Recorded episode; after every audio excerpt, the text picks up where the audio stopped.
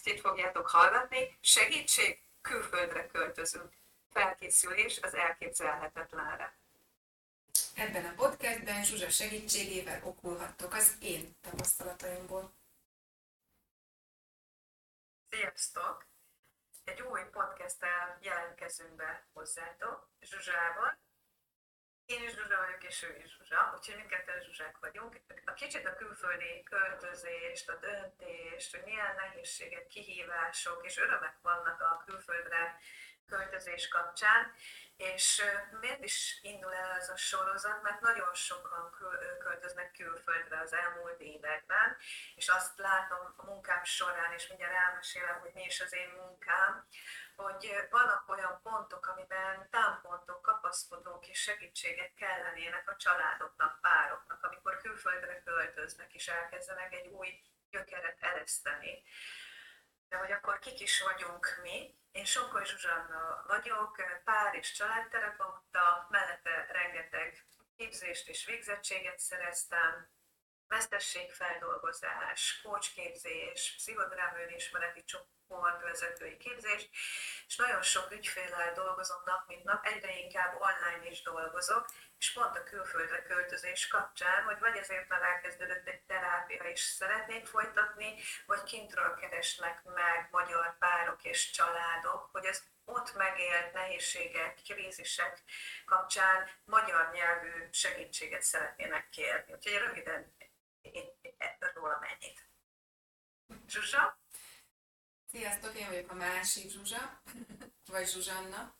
Um, igazából a hát webdesigner vagyok, talán foglaljuk össze, így ez a legpontosabb. Sok kreatív dologgal foglalkozom.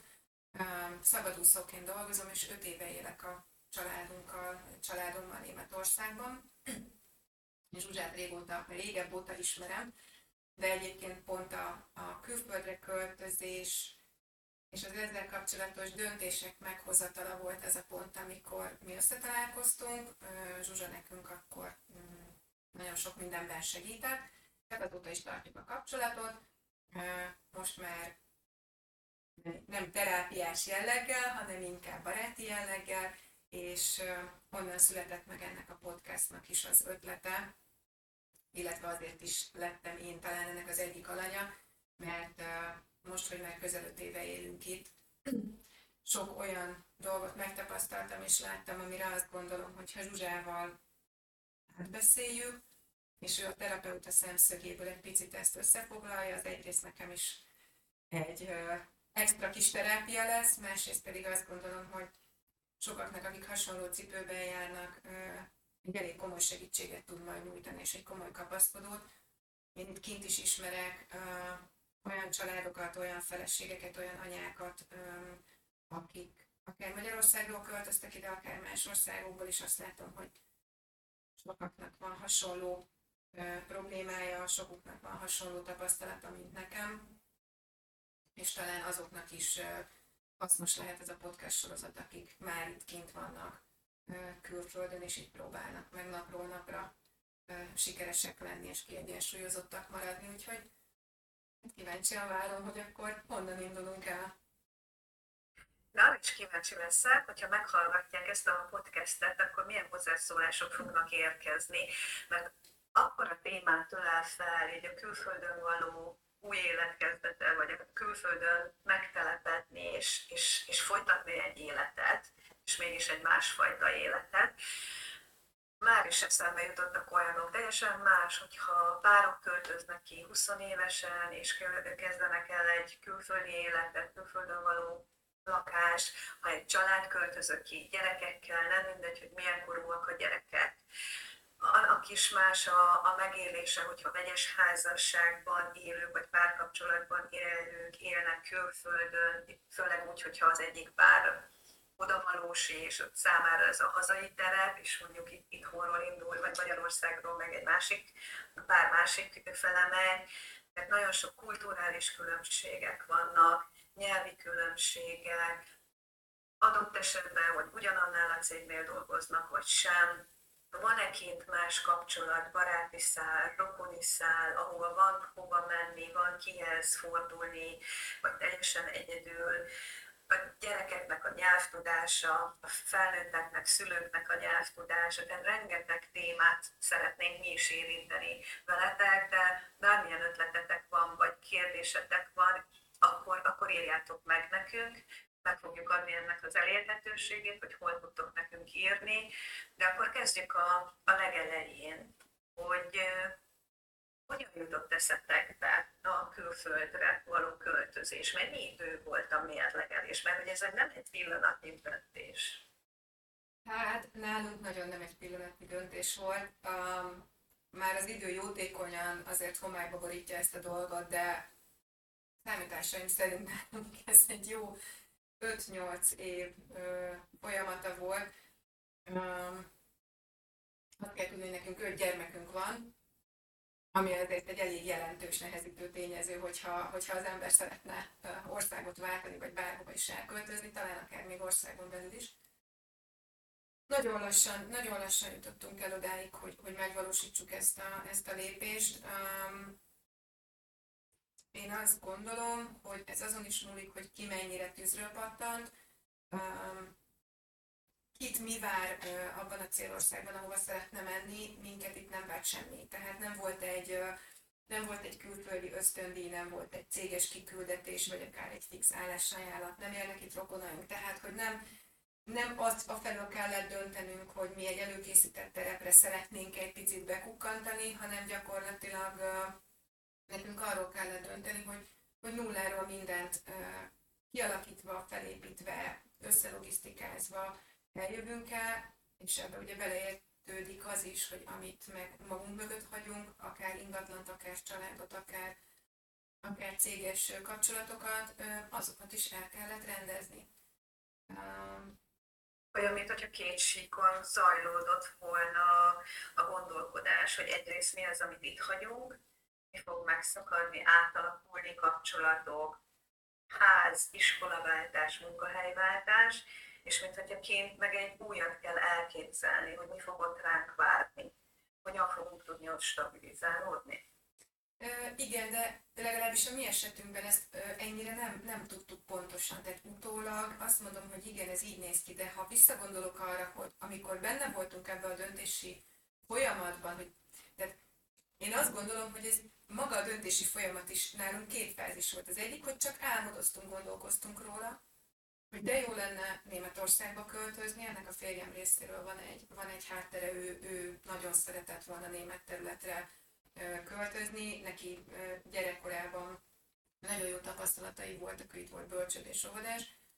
Nekem nem volt igazából ez ügyben preferenciám, én nem ragaszkodom annyira a helyekhez, ahol élek, szóval ez az én számomra nem volt konfliktus, ez fontos letisztázni, hogy mi a kezdetektől egyetértettünk abban, hogy hogy én szívesen jövök. Tehát köztünk ebből nem volt konfliktus, hogy mondjuk a férjem jönni akar, de én nem, vagy őt várja mondjuk egy biztos munka, nekem föl kell számolni itt egy karrier, tehát mi ebből a szempontból egy, egy szerencsés helyzetben voltunk, azért ez egy elég komoly konfliktus forrás tud lenni, nálunk ez nem volt meg.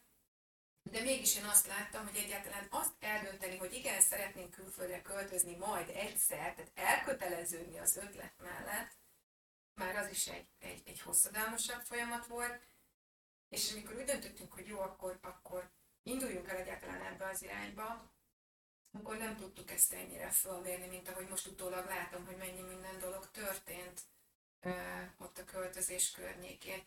Az ember tudja azt, hogy jó, persze, tehát ha elköltözünk, hát akkor majd nem itt fogunk lakni. Meg persze, elköltözünk ezer kilométerrel arra, nyilván nem fogunk minden hétvégén találkozni mondjuk a nagyszülőkkel.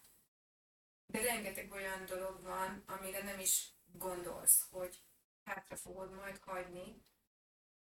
Volt egy jó pár olyan kapcsolat, amit nem is, nem is vettünk számításba, csak amikor már eljött a, konkrét költözés. Hogy például attól a gyerekorvostól el kellett köszönnünk, aki addigra már 16 éve volt a, a mi gyerekeink gyerekorvosa, és addigra már 25 éve volt a családunk gyerekorvosa, hogy, hogy ott állsz egy gyerekorvosi rendelőben, és nem számítottál rá, hogy, hogy eljöttél elköszönni, és hogy ott sírod el magad. Nem akkor, amikor a ház kapuján lépsz ki, meg nem akkor, amikor a barátnődet öleled meg utoljára, hanem a gyerekorvosnál. Mert az totál váratlanul ér. Hogy még őt is hátrahagyod, hogy ő már nem lesz. Kész. Pont. Szóval ezeket nem lehet azt hiszem előre teljesen felmérni.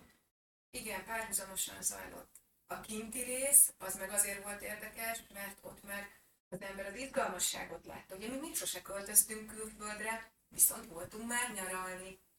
Hogy, az ember agyába egy kicsit ez a két dolog összemosódik, meg valami támpont kell, amin gondolkoz, és azt gondolod, hogy nyilván ez olyan lesz, mint egy hosszú nyaralás, csak majd úgy jobban elő kell készíteni. És ahogy egy nyaraláson se gondolkozol azon, hogy, hogy milyen lehet abba a városba tényleg élni, mi sem tudtunk mindent teljes mértékben felmérni. Um, talán ez a podcast pont erről fog szólni, meg a folytatása, hogy amit nem tudtatok előre, hiába beszélgettünk abban az időben, mégis lehet, hogy más szemszögből néztük át emberi kapcsolatok, családon belüli helyzetek, pozíciók, ki milyen, ki milyen változás fog megélni gyerekként, felnőttként, párként akár, fizikai szinten, de hogy rengeteg olyan összetevője van, amire amire nem gondol az ember. És azáltal, hogy, hogy elmondod, meg elmondjátok, annál több szempontot tudnak átgondolni azok, akik kiköltöznek, hogy ne akkor kelljen szembesülni, hogy tudják azt, hogy igen, rengeteg vesztességgel is jár a kiköltözés. És hogy ez, erre nem feltétlenül gondolunk. És, és nem tudok kilépni a, a cipőmből, a saját ilyen munkahelyi szerepemből, hogy, hogy a terápiák, amikor zajlódnak így a külföldi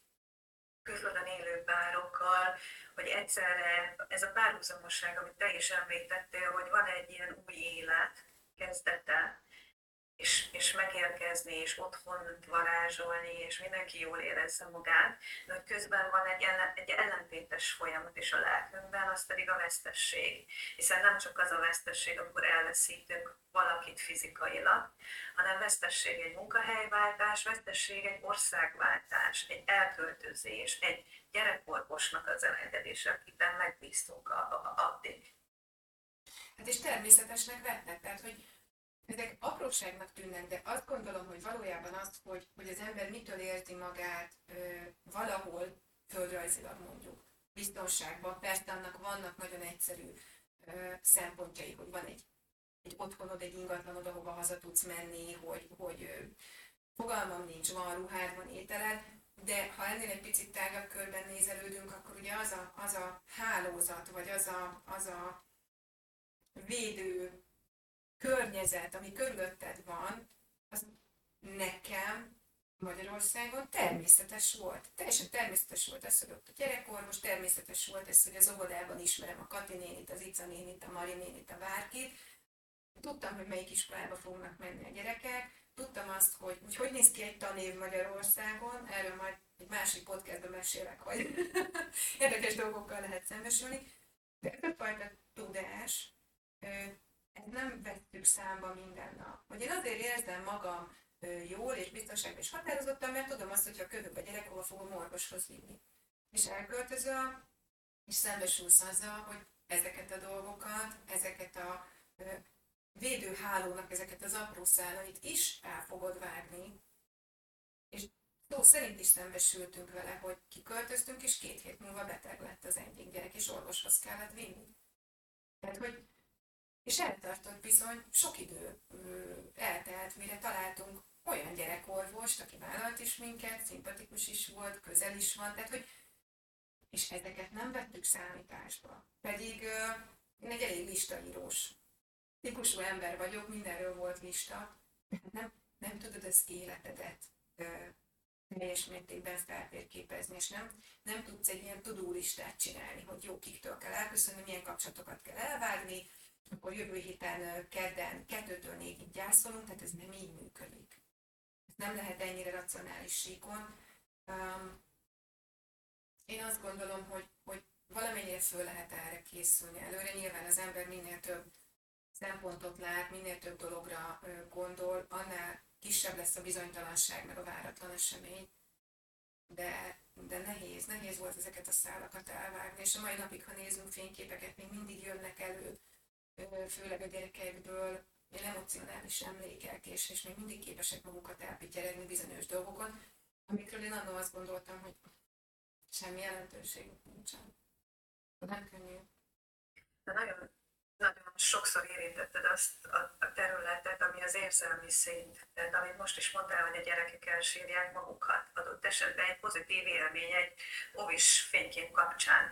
És említetted a védőhálót, mert hogy valahogy természetessé válik, és amikor ott van, nem veszük észre. És ugye van az a mondás, hogy amikor elveszítjük, akkor veszük észre az értékét a dolgoknak. Mert amíg ott van és jól működő, akár egy gyermeknevelés, amíg jól viselkedik a gyermek, addig szuper, minden rendben, akkor nem jól viselkedik, akkor már észreveszünk, és mérgesek vagyunk, vagy próbáljuk koordinálni, de az életünknek számos ilyen területe van, hogy az a védőháló, az a kapcsolati rendszer, az a szociális közeg, amit megteremtünk és felépítünk, azt egy idő után adottnak vesszük. Csak akkor veszük észre, hogy mennyire jó, és mennyire erős biztonságérzetet ad.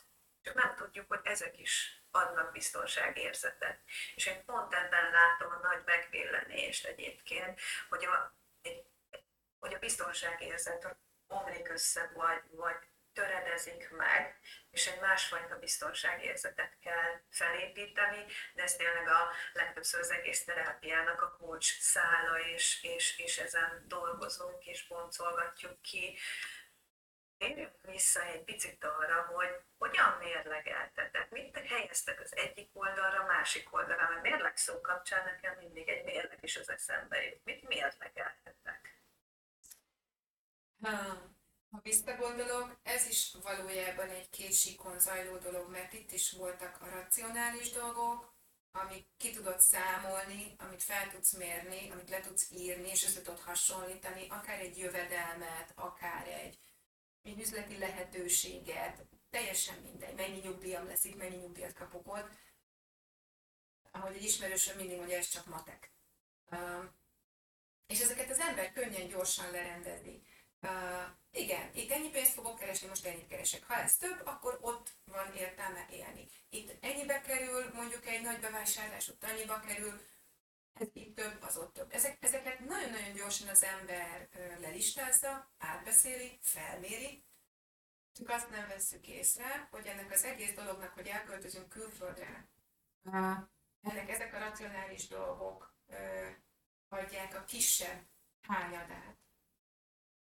És az, amit nem látsz, vagy nem mérsz fel, nem gondolsz bele tudatosan, azok fogják adni a nagyobb hányadát és pont ezeket borzasztó nehéz felmérni. Mondok egy tök egyszerű példát. Én az, tehát hogy a, nyilván az, hogy pont Németország, az, az a férjem indítatásából jött, és ahogy ugye mondtam is, ezzel nem is volt semmi probléma. De akkor, amikor pár év itt lét után én egy hullámvölgynek az alján voltam, és kiprovokáltam egy vitatkozást, azért, hogy a vélt és valós sérelmeimet ugye felszíre tudjam hozni, akkor, akkor ezért simán a férjem fejéhez vágtam, hogy a te álmodat valósítottuk meg, hát oda költöztünk, ahova te akartál, én megjöttem veled szó nélkül. És azért ez valójában teljes mértékben nem igaz, és nem, nem igazságos dolog a másikra ezt ráterhelni, mert a döntés az enyém is volt. Ugye ezeket a dolgokat, hogy, mit hogy fogunk megélni, ezt nem tudod előre fölmérni, ez, ez, ez képtelenség. Ez olyan, mint hogyha valakinek, aki soha nem szült gyermeket, annak megpróbálnád elmesélni, hogy az miért metem szült. Tehát ez nem olyan, hogy meg tudsz kérdezni másokat. Igen, nagyon-nagyon-nagyon sok segítséget lehet kapni, hiszen pont ezt a podcastet is azért csináljuk. Minél több aspektust föl lehessen tárni, hogy, hogy könnyebb legyen ezek mentén gondolkozni de nagyon nehéz, nagyon nehéz volt ezeket fölmérni. Azok a kritikus pontok, amiket sejtettünk, hogy nehéz lesz, mondjuk a gyerekeink miatt, ott kértünk segítséget. Ugye itt találkoztunk veled is, mert éreztük, hogy, hogy kamasz gyerekkel, olyan gyerekkel, akinek voltak nehezítettségei bizonyos területeken, így neki indulni egy költözésnek, az elég veszélyes. De ezeknek nagyon egyszerű látható jelei vannak amikkel könnyű számolni. Az érzelmi megterheléssel nehéz, és a bizonytalansággal azzal nagyon kevesen számolnak. Szóval, aki úgy költözik, hogy van egy fix hely, ahova oda kell menni egy adott dátumra, az oké. Okay. Nyilván ott is vannak nehézségek, de nekünk nem volt ilyen. Mi nem tudtuk azt, hogy ha a férjem eljön dolgozni, mennyi idő fog eltelni, hogy mi utána tudjunk jönni.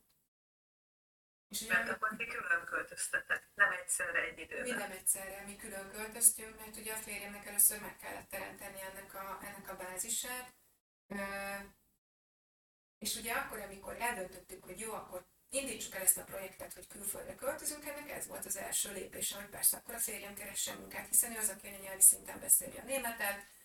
Én meg nyilván ö, otthon voltam a, a gyerekekkel, hát a legkisebb éppen, hogy talán két és fél éves volt, tényleg pici volt.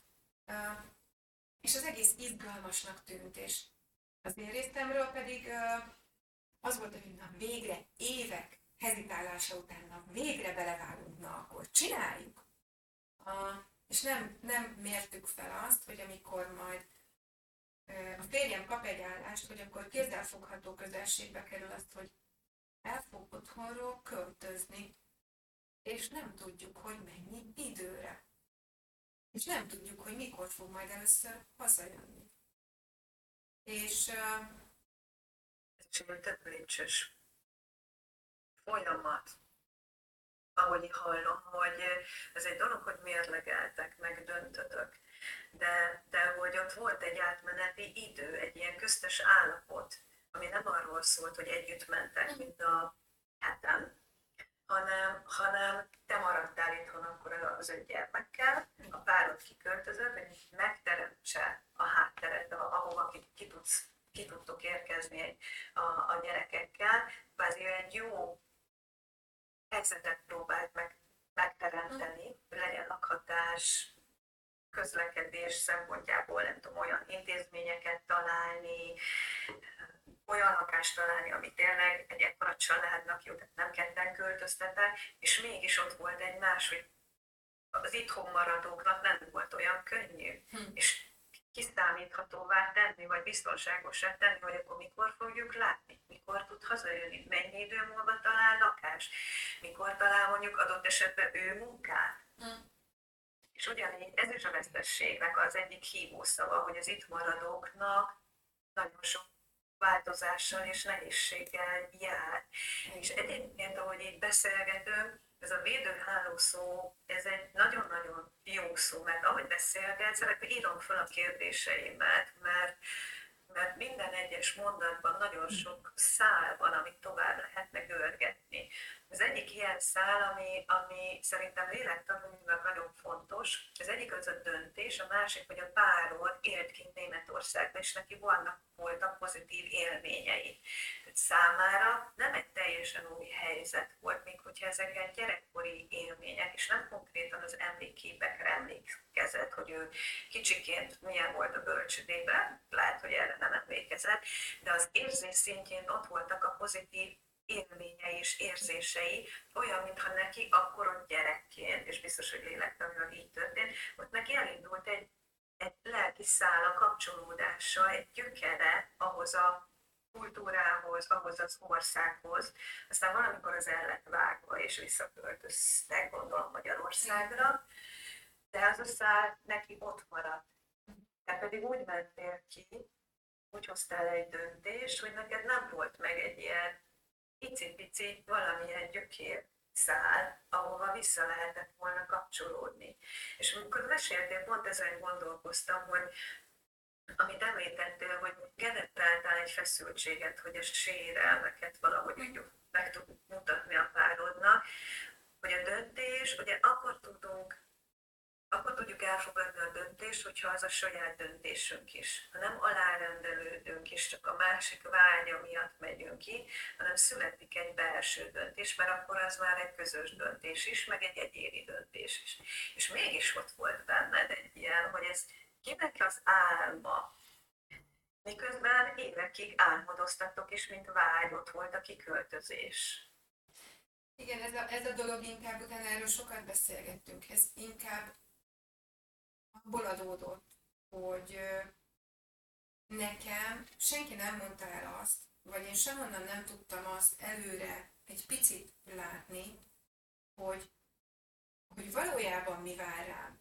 Tehát, hogy persze, volt... képzelted el, ami egy pozitív élmény. Hát szinte igen, illetve az ember, legalábbis nekünk, föl kellett osztanunk gyakorlatilag, onnantól kezdve, hogy meghoztuk a döntést a kiköltözésről, föl kellett osztanunk ezt a dolgot én időbeli darabokra, azzal együtt, hogy nagyon-nagyon sok volt benne a bizonytalanság. Tehát persze költözünk ki, jó.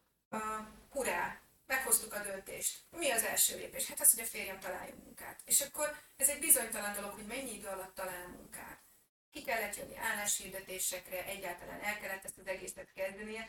Már eleve ez önmagában megérne egy külön témát, hiszen nem Magyarországon keresett állást, hanem Németországban, ahol teljesen más az álláspiac, az azon való megjelenés, az ott való, az ottani elvárások, tehát azt is először meg kellett tanulnia, hogy Németországban, a német álláspiacon az ő által elképzelt állások körében ő hogy tud jelentkezni. És azért itt is volt bizony egy jó pár tévút, meg volt egy jó pár úgymond popárás, és amikor nem azt kapta, amire számított. De még ezt is, ezt is meg kellett ugranunk, és nem tudtuk, hogy ez mennyi ideig tart akkor ez sikerült, akkor utána jött a következő bizonytalanság, tudtuk azt, hogy mikor fog kiköltözni, de nem tudtuk azt, hogy mikor jövünk utána. Hogyan? Egyáltalán. És a Németország nagy ország. Németország, igen, meg hogy hova. Az egészet áthatott egyfajta izgatott várakozás, hogy de jó lesz, hogy végre teszünk az álmainkért, és milyen jó lesz, amikor ott leszünk, és salalatralala, ez úgy vitt minket előre. De amikor nagyobb kép, tehát egy, egy képet, jó? Tehát otthon ülsz öt darab gyerekkel, februárban sötétség van, hideg van, egyedül vagy velük, ők is betegek, meg te is. Hm? Mert azt gondolom, hogy a férjem január első munkanapján ült fel a vonatra, és ment el 1100 kilométerrel arrébb, és nyilván egy pár hét után az egész családon kiütközött ez a stressz, úgyhogy mindannyian betegek lettünk, és gyakorlatilag nem aludtam napokon keresztül, minden gyerek beteg volt, de ugyanúgy el kell menned vásárolni, ugyanúgy el kell menned gyógyszertárba, ugyanúgy intézned kell az iskolai házi feladatok bekérését, ugyanúgy működtetned kell az egész életedet tovább. Most arra gondolsz, hogy jó, persze majd átvészeljük ezt a betegséget, és utána majd minden rendben lesz, és valóban mindenki meggyógyul, de ugyanúgy ott vagy egyedül, és ugyanúgy menedzselned kell az egész családnak az életét, megnehezítve idézőjelbetéve azzal, hogy, hogy mikor jön haza a férjed, amit nem tudsz. Szóval a bizonytalanság, egyszerre kell mindent működtetned. A terveket, hogy azok menjenek úgy, ahogyan elképzeltétek, tartsátok magatokat ahhoz, amit szeretnétek, amilyen döntést meghoztatok, közben kezeld ezeket a bizonytalansági tényezőket, és egyébként működtessed ugyanúgy a saját életedet is, meg a családodét is, mintha idézőjelben mi se történt volna. Nem tudod azt mondani egy gyereknek, hogy ne haragudj, nem ünnepeljük most meg a születésnapodat, mert apa külföldön van, anya hulla fáradt, de légy szíves megértsd meg, mindez egy nagyobb jó érdekébe történik. Hát ez nem megy. Igen, a felnőttek ebbe tudnak kapaszkodni. Szülőként, párként ebbe tudtatok kapaszkodni, hogy ez egy átmeneti idő, csak ezt bírjuk ki, ezt a két hónapot, három hónapot, ami után, ami mire utána tudtok menni, de a gyerekek nem, nincsen ilyen időérzékük, nem tudnak abba kapaszkodni, ők a mosba tudnak. Anya jókedvű, anya tele van energiával, anya leül velük társasozni, vagy játszani, elvisz az óvodába, iskolába, éjszaka is felkel, és nekik a minden nap jó legyen. Ők nem tudják átgondolni, amit ugye felnőttként sem nagyon lehetett átgondolni, meg ahogy hallgattalak, az jutott eszembe, hogy ebben is volt egy váltás, hogy veled eddig úgy értetted, hogy két szülő és az öt gyermek. Meg volt a feladat megosztás, a szerepeknek a megosztása adott esetben. Hogyan logisztikáztok ennyi gyerkőzője, a kettőnél is, nekem két gyermekem van, ott is kell logisztikázni. És még költözött a férjed, és az itthoni megszokott élet is megváltozott. Igen. És tudod, mi a rossz? Hogy nincs átmenet, Zsuzsa. Tehát konkrétan Leszettük a karácsonyfát január 6-án, január 7-én még otthon voltunk, a férjem csomagolt, és azt hiszem január 8-án reggel 6 óra 45-kor ment a vonat a Budapestről a Münchenbe, levittem a vasútállomásra, azt se tudtam, hogy hogy köszönjek el tőle. Szóval ez is, egy, ez is megint az a mikro dolog, amire nem, nem gondolsz előre, hogy amikor a férjed elmegy majd jövőt meg otthon teremteni neked meg a, meg a közös gyerekeknek, akkor hogy kéne tőle elköszönni? És akkor teljesen szörnyeteg módon adsz neki egy puszit, és azt mondod, vigyázz magadra, mint hogyha dolgozni menne, vagy a boltba, vagy egy csapatépítő hétvégére Szegedre.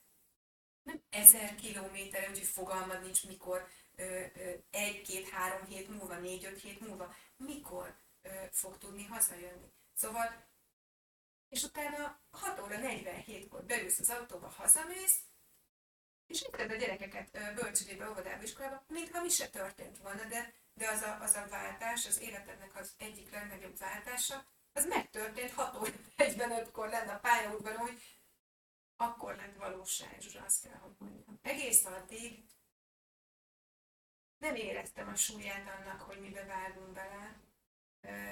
Egy izgalmas kihívásnak gondoltam, büszkén meséltem, hogy ki fogunk költözni, a férjem már megy, hú, majd milyen feladatok lesznek, hú, majd mekkora kihívás lesz. De ott, ott azon a januári reggelen, abban abba a három percben, ott, ott rájöttem, hogy darabló mindenségét neki, tehát, hogy ú, pedig addigra már alá volt írva neki egy munkaszerződés, addigra már volt itt két napot bepakolni az albérletbe, már lett addigra albérlet. Tehát, hogy sok olyan dolog intéződött el, ami már ezt a véglegességet mutatta. De nekem személy szerint emberként, nőként, feleségként a megélése az ott történt meg a pályadon, amikor föltett egy müncheni vonatra rengeteg minden jut eszembe. Az egyik, hogy mi ebben a folyamatban ugye már együtt dolgoztunk, és nagyon sokat hmm. beszélgettünk erről. Valahogy a változás és a váltást, hogy hogyan lehet könnyebben megélni, milyen gyerekek szempontjából mire figyeljetek. És most, amiket mondasz, emlékszem, hogy nem beszéltünk ilyenekről. Hmm.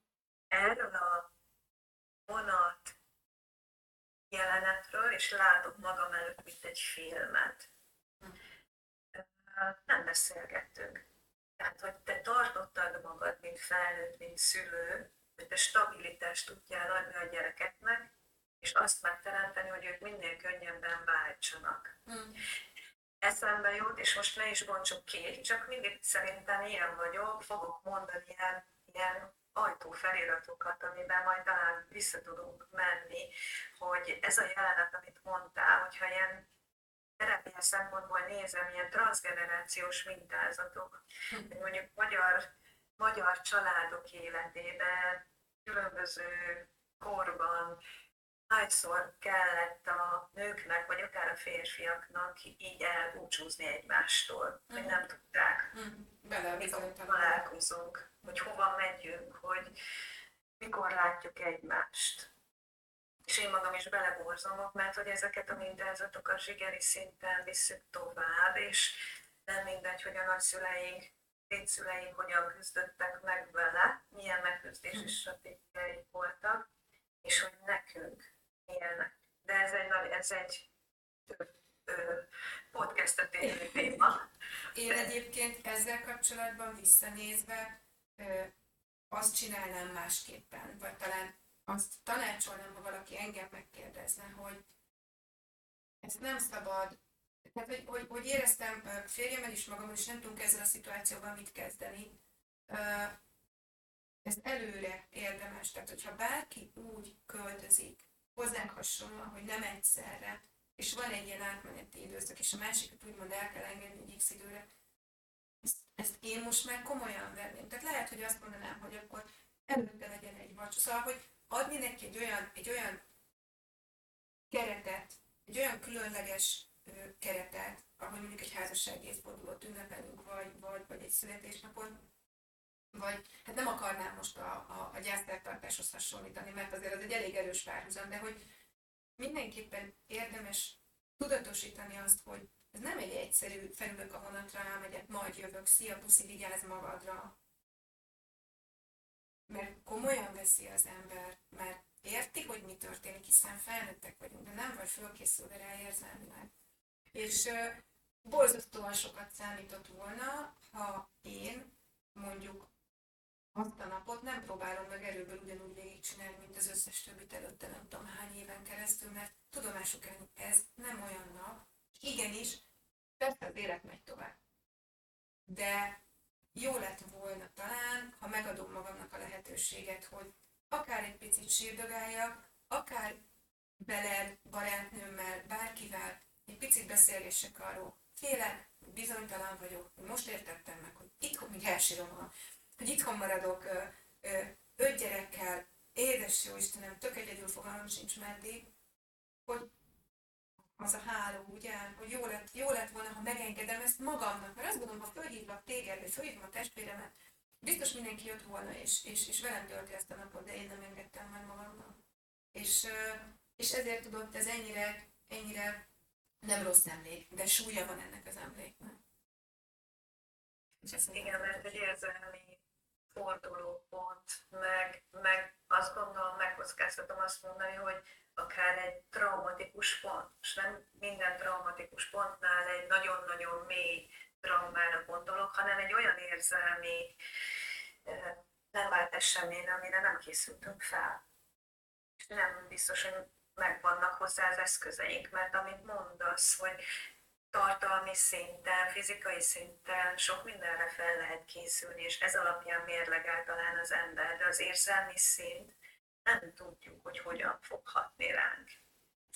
És hogy ott mondta a peronon, közben integetsz a férjednek, zódul rád egy olyan fajta érzés, amit lehet, hogy az ember ilyenkor nem is ért, hogy de most miért, hát minden rendben lesz, mindjárt együtt leszünk, mindjárt kiköltözünk, egy jó dolog fog történni, de az érzések valami mást is mutatnak.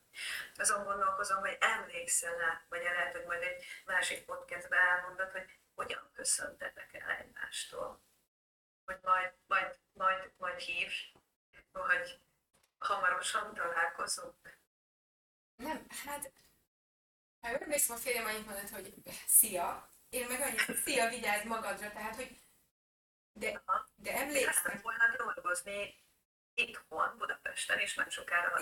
Igen, de azért mind a ketten tudtuk, hogy nem erről van szó, és ezért nem tudom, akkor már tizenhány éve voltunk házasok, de úgy szerencsétlenkedtünk, hogy, hogy amikor érted, hogy valahogy máshogy kéne elköszönni, mert ez most egy másik elindulás, és nem, nem csak egy fizikai elindulás, hanem az életünk indulás szerint egy másik irányba. Utána mi ezekről a dolgokról azért beszélgettünk többször, és, és hogy anélkül, hogy teátrális lennél, hajnalba, a városszéli vasútállomáson, amikor mindenki táskáztanak a karácsonyi ünnep után indul dolgozni, akkor adjál elő egy ilyen amerikai filmet. Hát nyilván nem. Tehát, hogy akkor ez, hogy hogy? A nyilván nem, annyira kérdezni mindenkinél, hogy nem, miért nem? Ugye? Miért nem mutathatjuk meg az érzelmeinket? Miért ne lehetnénk teátrálisak? Mm.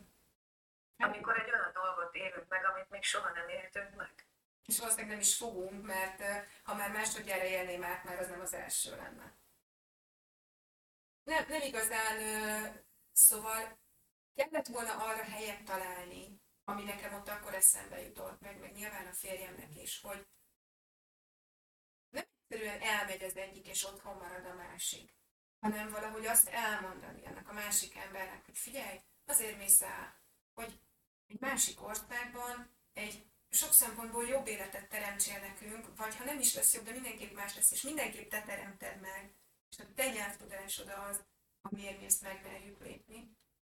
És ő is valószínűleg szerette volna elmondani nekem, hogy figyelj, ez elképesztő, hogy te meg eljössz velem, minden aggály, minden fenntartás, minden, minden probléma nélkül, feladsz mindent, ami itt van, pedig te nem beszéled a nyelvet, és hova tovább előtte még otthon maradsz bizonytalan ideig. Öt gyereke, nem egyet, öttel, úgyhogy nincs segítséged, dolgoznod kell, és valamilyen, de ez majd egy másik podcastban részletesebben elmondom, hogy azért milyen dolog bizonytalanság mellett azért összekészíteni egy héttagú családot és 12 év életét egy 1000 kilométeres költözésre. Tehát ugye ezzel maradtam ott.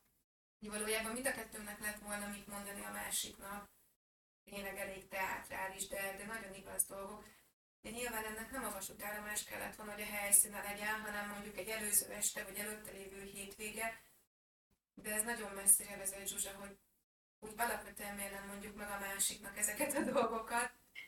Igen, mondtad, hogy ez megmutatjuk a másiknak, hogy milyen értékei vannak, hogy miért vagyok rád büszke, hogy miért nézek fel rád, hogy tudom, hogy, hogy, hogy mi fog rád várni, vagy, és hogy büszke vagyok rád, és, és itt vagyok melletted, és más-más kihívásokkal és terhekkel te maradtál itt a férjedben ki, de hogy ezeket a megerősítő, kapaszkodó, életre szóló mondatok meg bennünk maradnak. Igen. Hány helyzetben, akár a szürke hétköznapokban. Igen, absz- abszolút, abszolút. És ide tenném azt, hogy amikor meg a kiköltözésetek volt, hogy akkor a digitális világ már működött. Telefon, videócset, számítógép, minden. És mégis hiába voltak adottak feltételek, ami mondjuk száz évvel ezelőtt nem, mégis érzelmileg ugyanolyan mélyen hat mindenkire. Mert az érzelmek és az emberi kapcsolatok, a kapaszkodó, a biztonság, az a lételemünk. Hm. Hát igen, szóval nehéz volt a döntési folyamat is, hogy így a vége felé picit összefoglaljam a részemről. Elég érdekesek ezek a beszélgetések veled, Zsuzsa, mert mindig annyi minden más juttat az ember eszébe, amit feltétlenül végig kell gondolni, és kell beszélni, hogy nem, hogy lerendezni fogjuk ezeket a dolgokat a sorozat végére, hanem lesz még száz másik, de nem baj, mert jól van ez így. És azt gondolom, hogy kell is egyébként ennyi távolság. Lehet, hogy tíz év már sok lenne visszanézni, egy év meg még kevés, de azért öt, öt év az azt mondom, hogy, hogy talán jó így visszanézni. És tényleg meglepő, hogy, hogy mik jutnak eszembe, milyen érzések jutnak eszembe. Nem szoktam ezeken azért én nagyon sokat gondolkozni. De hogy nehéz, nehéz út volt már a döntés is, és, és, és ez a fajta egyszerre legyél készen a kihívásokra, de közben simán csináld a, a szokásos napokat úgy, ahogy egyébként, és közben küzdjél a bizonytalansággal, azért ez egy komoly kihívás. Nekem nagy segítség lett volna, mert te is nagy segítség voltál, tehát hogy abszolút úgy éreztem, hogy fú, van egy tök jó támogató közel, de de biztos vagyok abban, hogy, hogy már azt tudni, hogy az ember nincs egyedül ezekkel a dolgokkal. Tehát biztos vagyok abban, hogy most is sokan kétségek közt törlődnek, hogy mi vár rájuk. Nyilván minél több mindenről tudsz, és megpróbálsz rá fölkészülni, annál, annál kevesebb esemény ér váratlanul, és még így is marad bőven, bőven éppen elég azon gondolkoztam, hogy ismét kinyissak egy ajtót, vagy csak a feliratot tegyen fel az ajtóra, hogy, hogy a mérlegelés szempontjából ott van egy ilyen anyagi mérlegelés. Ott van a, a gyerekeknek, hogy a gyerekeknek lehetőséget teremtsünk valami, valami másra, valami új életre. Akár valaki mondjuk egészségügyi okok miatt költözik külföldre, vagy munka szempontjából, és nem is anyagi szempontból, hanem munka szempontjából. Tehát, hogy, és hogy azt gondolom, hogy más-más megéléseket fognak megélni azok a párok, családok, akik tehát, hogy nem mindegy a motivációnk, hogy miért megyünk. Nyilván nem mindegy, ö, alapvetően az ö, sok Facebook csoportba bekerültem akkor, ahol azóta is tag vagyok, és, és látom, hogy, hogy folyamatosan vannak emberek, akik a költözésen gondolkodnak, benne vannak, látom azt, hogy mennyire másként élik meg a dolgokat. Nyilván van, akinek ez egy kényszerpálya, nyilván van, akinek ez egy lehetőség, tényleg sokfélék vagyunk, de, de mondjuk azért az mindenképpen közös, hogy, hogy van egy adott pont, amikor fogod magad, a férjeddel együtt, a feleségeddel együtt, gyerekekkel vagy anélkül egy biztos tuti helyre, vagy a bizonytalanságban, de mindenkinél van egy darab pont, amikor és ez vicces, mert megint egy fizikai pont. Amikor utoljára csukod be a lakásod ajtaját, vagy mint nekem, hogy utoljára csuktam be a, a kertnek a kiskapuját, és úgy ültem be a barátnőm autójába, hogy nem a Mekibe megyek, nem hozzám megyek kávézni, kivisz a reptérre, és elköltözöm. Hogy ez megint olyan volt, mint a vasútállomás, hogy és jó Istenem, na most lett valóság. Tehát ez, ez mindannyiunknál el fog következni, mindegy, hogy milyen indokból indulunk el külföldre, vagy ott mi ránk. És szerintem ez egy olyan pont, amire érdemes előre komolyan felkészülni, és, és a maga teljességében megélni. Akár még te, mindig a szakrális szót teszem be, hogy, hogy tényleg egy olyan körítést adni ennek, hogy, hogy megkapja a megérdemelt méltó helyét, meg lehet egy karácsonyt ünnepelni ajándék nélkül melegítőben, meg meg lehet ünnepelni úgy, mint egy ünnepet, és más lesz. És ennek is én azt mondanám, hogy meg kell adni a módját, mert különben ott marad egy ilyen, nem súly, de, de hogy uh, hogy ez, hogy ez uh, de durva volt. Egyébként a rituálék jutottak hát, eszembe. Igen, az a jó szó. Tényleg a rituálé, igen. És én egyre többször így a munkám során viszonyulok így a, az ősökhöz, a, a, az előző generációkhoz, mert olyan tudás meg bölcsesség volt bennük, és majd vesztegségek kapcsán is mondok majd egy-két mondatot, de nem véletlenül voltak rituálék. És a mi életünk is tele van rituálékkal, a ballagás, az eljegyzés, az esküvő, megünnepelni valamit és kocintani egy besgővel, tehát keretet adunk, de rituálé, tehát hogy egy, egy, egy szertartás köré szerveződik ez a dolog. Mm. Amit te is mondtad, de jó lett volna, de nem a, a, az állomáson integetés előtt két perccel, hanem valahogy megadni a módját. És mm. ezek a rituálék, ez a megadjuk a módját.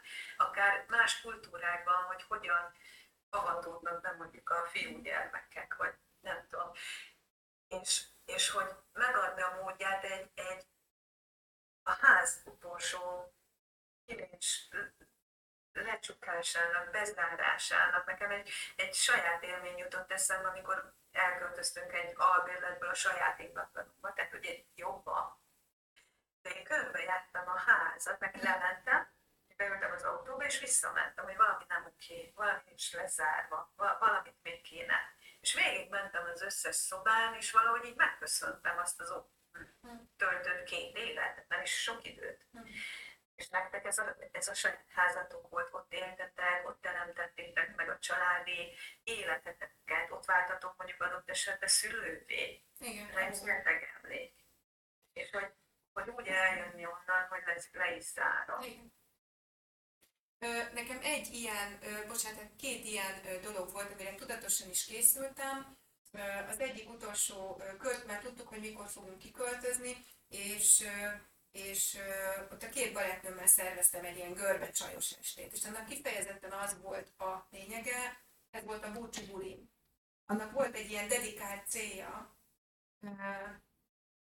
és utána az, hogy a, az utolsó ö, esténken, amit még a házba töltöttünk, költözés előtti nap, és eljött egy barátnőm a gyerekeivel, és akkor ettünk egy tortát, meg, meg beszélgettünk egy kicsit, de annak is az volt a célja, hogy jövünk és elköszönünk Zsuzsiéktól. Tehát, hogy kimondtuk, hogy ez nem csak egy nem csak egy vasútállomás, nem csak elindulunk, nem csak összefutunk, nem csak találkozunk, ez most arról szól, hogy elköszönünk. Persze azóta találkoztunk, én is voltam Magyarországon, barátnőm is volt nálunk, de ez nem ugyanaz már, soha többet nem lesz ugyanaz.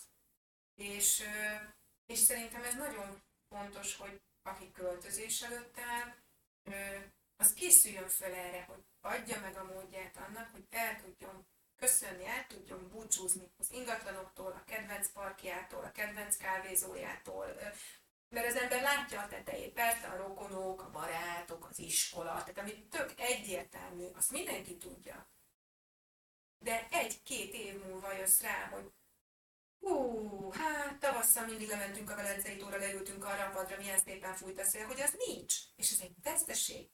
És erre ott abban nagy izgalomban nem gondolsz. Pedig gondolni hogy jó, akkor költözés előtt lemegyünk a Velencei tóhoz, leülünk arra a padra, megnézzük, hogy hogy fúj a szél, elköszönünk tőle, lehet, hogy még jövünk, de akkor sem ugyanaz már. És akkor talán ezek nem maradnak ilyen lezáratlan, kes, keserédes, talán az a legjobb szó, mert az ember egy jó dolog miatt változtat. Nekünk nagyon jó itt, ahol élünk, és meg vagyunk vele elégedve. Szóval nekünk ez, ez, ez, ez egy sikertörténet, de ez a keserédesség, ez megvan. Lehet, hogyha akkor ezeket a dolgokat lezárogatjuk, akkor most kevésbé lenne ekkora súlyuk, nem tudom. Azon gondolkoztam, hogy a podcast is tényleg szerintem rengeteg felvétel lesz, hogy mennyi mindenben tud segítséget adni. Tehát, hogy olyan, mint egy ilyen vezető szál, ami egy lista, hogy mit is kell mérlegelni, mit is gondoljak át, mire számítsak, és lehet, hogy nem fog megtörténni ez az érzelmi reakció, hogy ez a kapcsolatnak a eltávolodása, hanem is a megszakadása. De hogy tudni az, hogy mi várhat rá, milyen helyzetek vannak. És még, még, még ott tartunk, hogy becsuktad a kivincsát, és mondjuk a, a pakolásról, ugye a következő évben. Az még egy érdekes.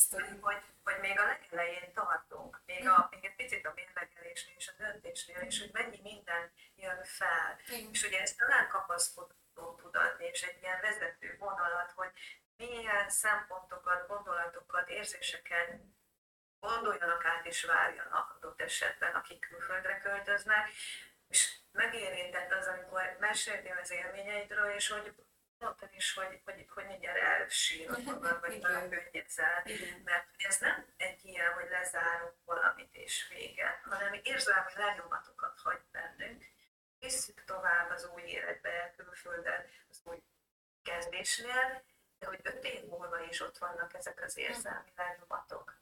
És pont ezért fontos foglalkozni, hogy ezek a jelenben hogyan hatnak ránk. Mert adott esetben mondjuk a gyerekeitek felnőnek, és külföldre költöznek, az is egy vesztesség. És nem mindegy, hogy ti hogyan éltétek meg a költözést, a megérkezést, a, az új otthonnak a megteremtését, és mondjuk a ti életetekben később van egyfajta ismét egy költözés, és lehet, hogy nem ti költöztek. Uh-huh. Ott, ott, ha nincs valamilyen érzelmi elakadás van, vagy nehéz érzések kapcsolódnak hozzá, vagy azt érezzük inkább a nehéz érzéseket, és nem a pozitív mhm. érzéseket, akkor nehéz a következő generációnak is az elengedése. Uh-huh. És mhm. nekem van egy ilyen titkos célom, hogy picit valahogy belevonni, hogy miért is van erre szükség, amiket itt elmondunk, amiatt, meg amiatt, hogy a gyerekeink már nagyon külföld fele mennek, akár már oda járnak főiskolára, egyetemre, és ott fognak megállapodni és letelepedni. Tehát, hogy ez egy sokkal inkább jelenlévő helyzet lesz az életünkben, akár a gyerekeink kapcsán. És ők lehet, hogy már egy másik kontinensre fognak menni, és nem ezer kilométer lesz a távolság. Vagy hogy az ember úgymond tud tanulni a hibáiból, vagy jó esetben a máséból, mert meghallgatott egy tök jó podcastet ezzel kapcsolatban, Uh, amikor nekünk a, a legnagyobb gyerekünk visszaköltözött Magyarországra, szóval mi ezt megcsináltuk visszafelé is egy, egy más aspektusból, uh, mi, mi ennek egy rituálit kerekítettünk. Tehát nem azt mondtuk, hogy föltettük a repülőre és szia majd ír, hanem uh, elvittük előtte uh, vacsorázni, csináltunk egy nagy családi vacsorát egy étterembe, nagyon jól beszélgettünk, sétáltunk, szóval persze nem úgy kell elképzelni ezt, mint egy esküvőt, vagy nem is tudom, de igenis, felemeltük arra a helyre ezt a dolgot, ahol azt gondolom, hogy a helye van, és nyilván a másik négy gyerek is látja azt, hogy elköltözni, akár a szülői házból, akár egy másik városba, akár egy másik országba, az egy, azért az egy nagyon különleges dolog az ember életében. És annak vannak ezek a tárgyi részei is, hogy, hogy igen, akkor menjünk el előtte vacsorázni, vagy igen, akkor menjünk végig azokon a helyeken, amiktől el akarunk köszönni, stb. stb. Szóval igen, ebben igazad van, hogy a mintamutatás is fontos, meg nagyon, igen, nagyon fontos az, hogy a gyerekeid mit látnak ebből, hogy még akkor is, hogyha kényszer pálya az, hogy el kell menni külföldre, attól még itt is vannak ismerőseink, akik kényszerűségből indultak el, különböző okokból, és itt már az a gyerek, aki három éves volt, mikor kiköltöztek, gyakorlatilag már nem emlékszik a, a magyarországi életére. De arra igen, akár tudat alatt, hogy ez milyen időszak volt a család életében. Majd azt egy következő részben elmesélem, hogy ezért otthon lenni ötőjükkel nem volt egy uh, leányálom, uh, és hogy én itt is azt tartom a legfontosabbnak, hogy az ember őszinte legyen az érzéseivel kapcsolatban. Szóval nem, nem szabad azt megjártani, hogy fú, de nagyon pozitív dolog volt ez a kiköltözés, mert igen, az volt, de volt közben rengeteg nehézség. És talán nem az a lényeg, hogy az ember eltagadja ezeket a nehézségeket, hanem hogy amennyire lehet előre lássa, meg, meg büszke legyen már végre egyszer arra, hogyha ezekbe beleállt. Azt se engedik meg magunknak. Büszkék legyünk. Büszkének lenni magunknak, elismerni azt, hogy bátor vagyok, hogy a jövő generációja is merjen bátornak lenni adott esetben, és ne bűntudattal, vagy, vagy szégyenérzettel, vagy, vagy inkább meg se lépi érzéssel fog, fog, fog döntést hozni. Igen. Jól elbeszélgettünk. Szép hosszú rész lett belőle. De nem baj. Igen. Folytatjuk. Mindenféleképpen. A következő részben. Sziasztok! Köszönjük a figyelmeteket, ennyi fér bele a mai napba 30 percbe, de folytatjuk újabb izgalmas kalandokkal, történésekkel, örömökkel és persze kihívásokkal, hogy minél jobban fel tudjatok készülni arra, hogy hogyan érdemes kiköltözni, milyen kihívások várnak rátok, milyen örömök várnak rátok, de minden sokkal tudatosabban csinálni a hétköznapokban.